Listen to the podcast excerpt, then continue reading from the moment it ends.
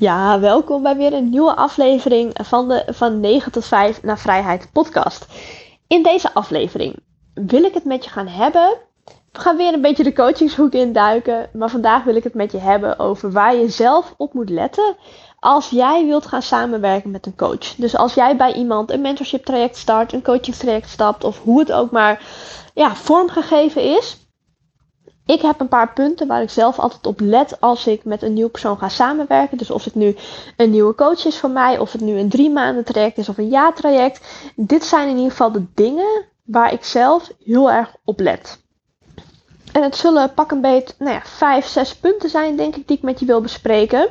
En ik hoop uiteraard dat je wat aan hebt. Maar als je hierna gaat kijken bij het inhuren van jouw volgende coach, dan weet ik bijna zeker dat het een goede match gaat zijn. Want ik vind het altijd heel belangrijk, heb ik ook met mijn huidige coaches, dat er gewoon een, ja, een goede match is. Een goede klik is qua persoon tot persoon, maar ook qua coach tot bedrijf.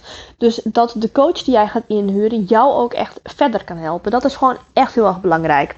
Nou, het eerste punt waar ik zelf altijd heel erg op let is is deze persoon ook echt de persoon die hij of zij claimt te zijn. Of um, ja, eigenlijk dat verkondigt op social media bijvoorbeeld. Dus stel je voor, je bent een motivational speaker. Nou, dan willen jouw volgers of klanten ook niet elke keer jou wel horen klagen over nou ja, van alles en nog wat wat er misgaat in je leven bijvoorbeeld. Want jij bent een motivational speaker, dus mensen moeten motivatie uit jou kunnen halen. Ze moeten zich geïnspireerd door jou voelen. Dus als ik met iemand zou samenwerken en die persoon die zou mij willen coachen, dan kijk ik heel erg naar of iemand zijn, ja, zijn talk walkt, om zo maar te zeggen. En ander voorbeeld stel je voor, je wilt je financiën op een rijtje krijgen en je wilt gaan werken met een nou ja, coach op het gebied van geld bijvoorbeeld. Dan wil je dat die persoon ook echt alles qua geld op een rijtje heeft. Dat hij alles in orde heeft, maar dat hij ook veel meer weet dan jou op dit vlak. Dus die coach die, jij gaat inhuren, nee, die persoon die hoeft niet alles te weten, maar wel een stuk meer dan jij. Zodat jij ook weet van oké, van deze persoon kan ik nog zoveel leren. Hier kan ik zoveel mee groeien. Of stel je voor, um, coaches die jou gaan leren hoe jij voorbij de 100k per jaar kunt groeien. Dus een 100.000 euro omzet per jaar kunt groeien. Ja, dan wil je een coach hebben die dat zelf ook al heeft gedaan. Dus die zelf heeft ervaren hoe dat is. Die zelf ook weet van nou ja, welke obstakels komen daar dan bij kijken. Welke struggles komen er op je pad. Hoe ga je daarmee om. Maar ook gewoon ja, strategisch en technisch. Hoe werkt dat dan allemaal achter de schermen. Dus je wilt iemand hebben die donders goed weet waar hij het over heeft, maar zich er ook daadwerkelijk zo naar gedraagt. Nou, heel vaak kun je dat op social media eigenlijk al wel een beetje uitvogelen of dat zo is bij iemand. Want dan zie je wel in stories bijvoorbeeld hoe iemand iets deelt, waar die persoon het veel over heeft. En als dat in lijn is, dan kun je deze in ieder geval afvinken.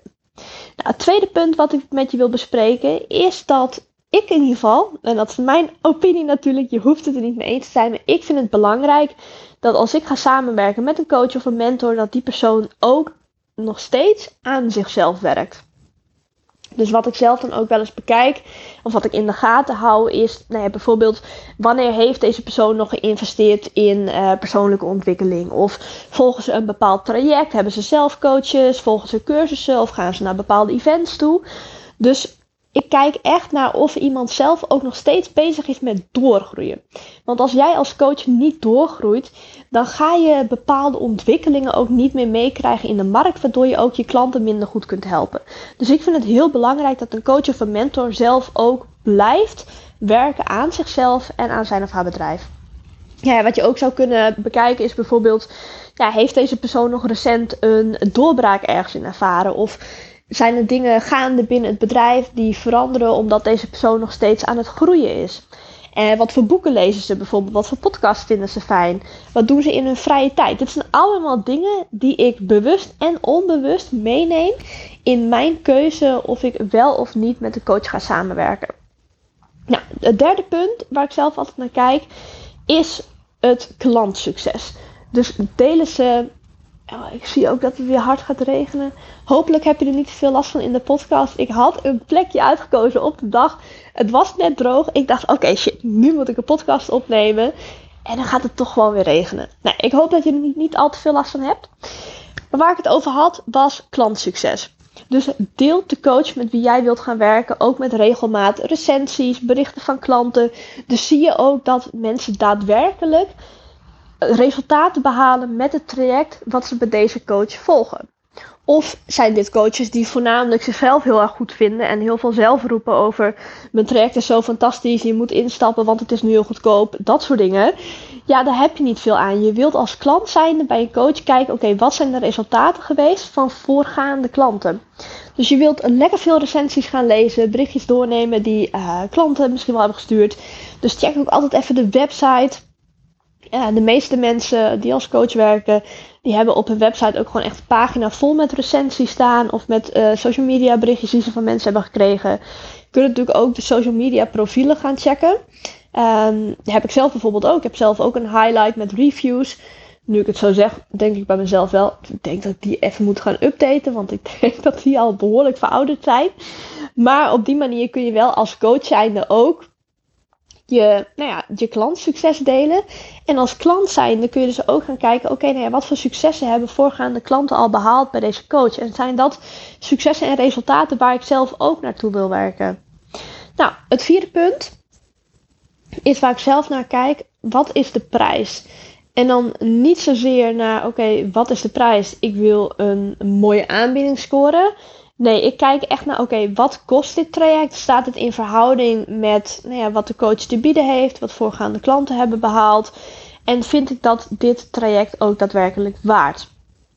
Ik heb zelf, als, uh, ik ben daar zelf toen niet ingestapt, maar ik heb zelf, bied ik nu een, uh, nou ja, pak een beetje anderhalf jaar online coaching aan. Dus echt één op één trajecten met coaches.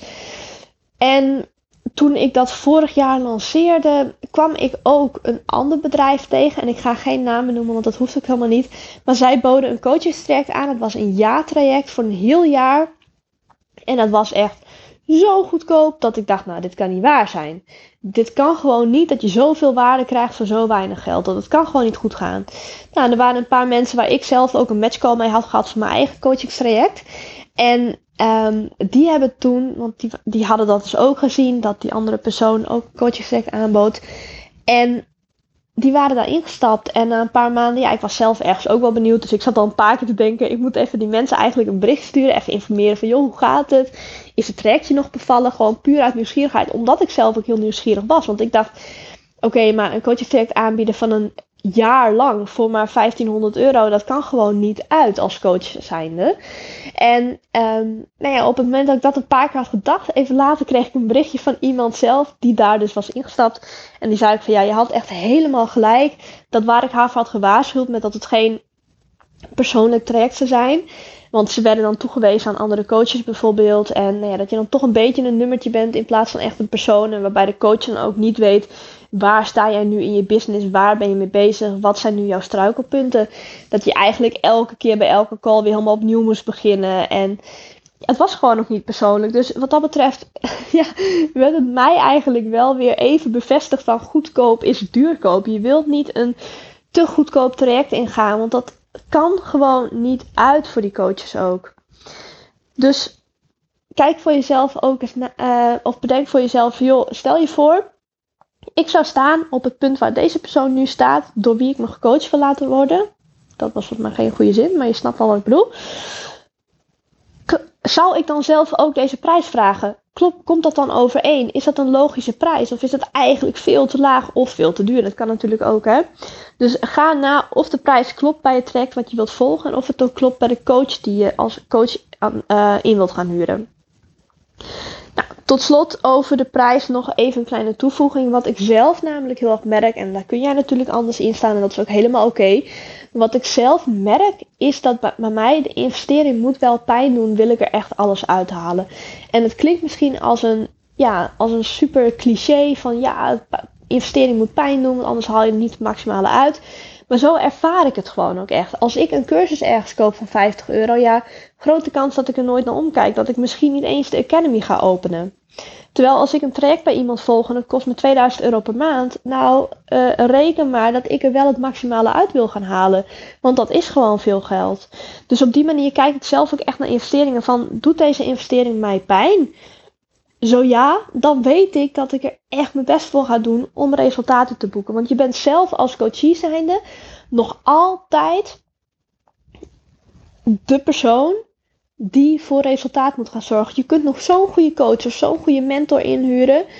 Maar als jij niet in actie komt, als coachie zijnde zelf, en als jij niet je best gaat doen, ja, dan gaan die resultaten er ook niet komen. Want de coach die kan het niet voor jou overnemen. Dus kijk daarna of de investering jou wel pijn doet. Nou, tot slot. Uh, nee, het is denk ik niet tot slot. Ik denk dat het het ene laatste punt is.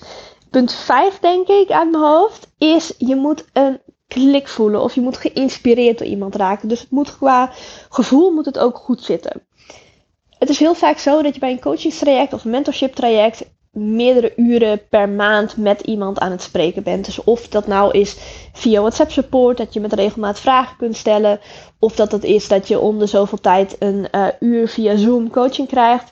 Het kan op allerlei verschillende manieren zijn, maar het is heel vaak zo dat je toch urenlang met iemand aan het praten bent per maand. En als jij dan opraakt qua energie nadat je een uur met iemand hebt gesproken, ja, dat is niet de vibe waar je in wil zitten. Dat is niet de energie die jij uit het traject wilt halen. En dat is ook niet de energie waarop je gewoon lekker werkt. Dus je wilt ervoor zorgen dat er ook gewoon een klik is. En dat je van iemand geïnspireerd raakt, gemotiveerd raakt. En dat je zoiets hebt van: oké, shit, ik wil nog meer, ik wil nog meer. Jammer dat het uur er alweer op zit op die manier. Dus kijk eens of je iemand kunt vinden waarbij jij voelt van: oké, als ik met deze persoon een uur lang kan gaan sparren over mijn bedrijf, dan ga ik er alles uithalen. Bijvoorbeeld. Nou, een laatste punt die ik met je wil delen. En dan ronden we de podcast ook gewoon weer lekker af, want dan blijft die lekker behapbaar. Is volg je intuïtie. Volg je gevoel. Dit is een hele belangrijke, vind ik zelf altijd. Want soms dan heb je, misschien herken jij dat ook wel, dat je een moment in je leven hebt gehad. Of misschien heb je het wel wekelijks, dat weet ik niet. Maar dat je zoiets hebt van, mm, het voelt gewoon niet goed. Of het voelt juist wel goed. En dat je gewoon niet de vinger erop kan leggen waarom iets nou niet goed voelt. En dat je denkt van nou, ik doe het dan toch maar niet. En dat uiteindelijk, of achteraf, blijkt dan dat dat de juiste keuze is geweest. Nou dat is je intuïtie die spreekt. Dus dat je soms het gevoel hebt, ja, ik weet ook niet waarom ik moet instappen. Maar het voelt gewoon goed, dus ik doe het gewoon. Op die manier heb ik mijn laatste grote investering gedaan. Ik ben afgelopen najaar, volgens mij was het in september of eind augustus, ik weet het niet eens meer precies, ben ik ingestapt in een jaartraject bij mijn huidige coach. Dat was een traject van 20.000 euro. Ik had nog nooit zo'n uh, ja, zo'n prijzig traject in één keer betaald. Of in ieder geval in één keer ja opgezegd. En het was eigenlijk binnen een paar uren tijd dat ik voelde van shit, ik moet instappen in het 1 op 1 traject. En ik kon ook niet echt mijn vinger erop leggen. En achteraf, oh jongens, ik ben zo blij dat ik het gedaan heb. Ik heb al zoveel geleerd en ik ben ook nog zoveel aan het leren. En we hebben nog nou een half jaar te gaan bij wijze van. Dus volg ook echt je intuïtie. Als jij voelt van ik wil met deze persoon samenwerken, dan zit het gewoon goed. Want dat is je intuïtie die spreekt. Voel jij juist in je hart dat het niet de juiste stap is. Terwijl je eigenlijk met je hoofd denkt van nou het zou op zich wel slim zijn om met een coach te werken. Maar het voelt ergens niet goed. Dan moet je het ook vooral niet doen. Dus ga ook echt af op je gevoel en wat jouw intuïtie je vertelt. Alright, dat waren mijn 5 à 6 uh, hoofdpunten die ik altijd doorloop als ik kijk van oké, met welke coach ga ik werken? Ga ik überhaupt met de coach werken? Dat is natuurlijk ook nog een vraag die je zelf kunt, uh, kunt stellen.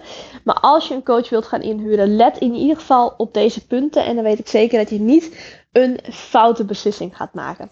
Ik hoop dat je er wat aan hebt gehad. En ik hoop je ook weer terug te zien bij de volgende podcast.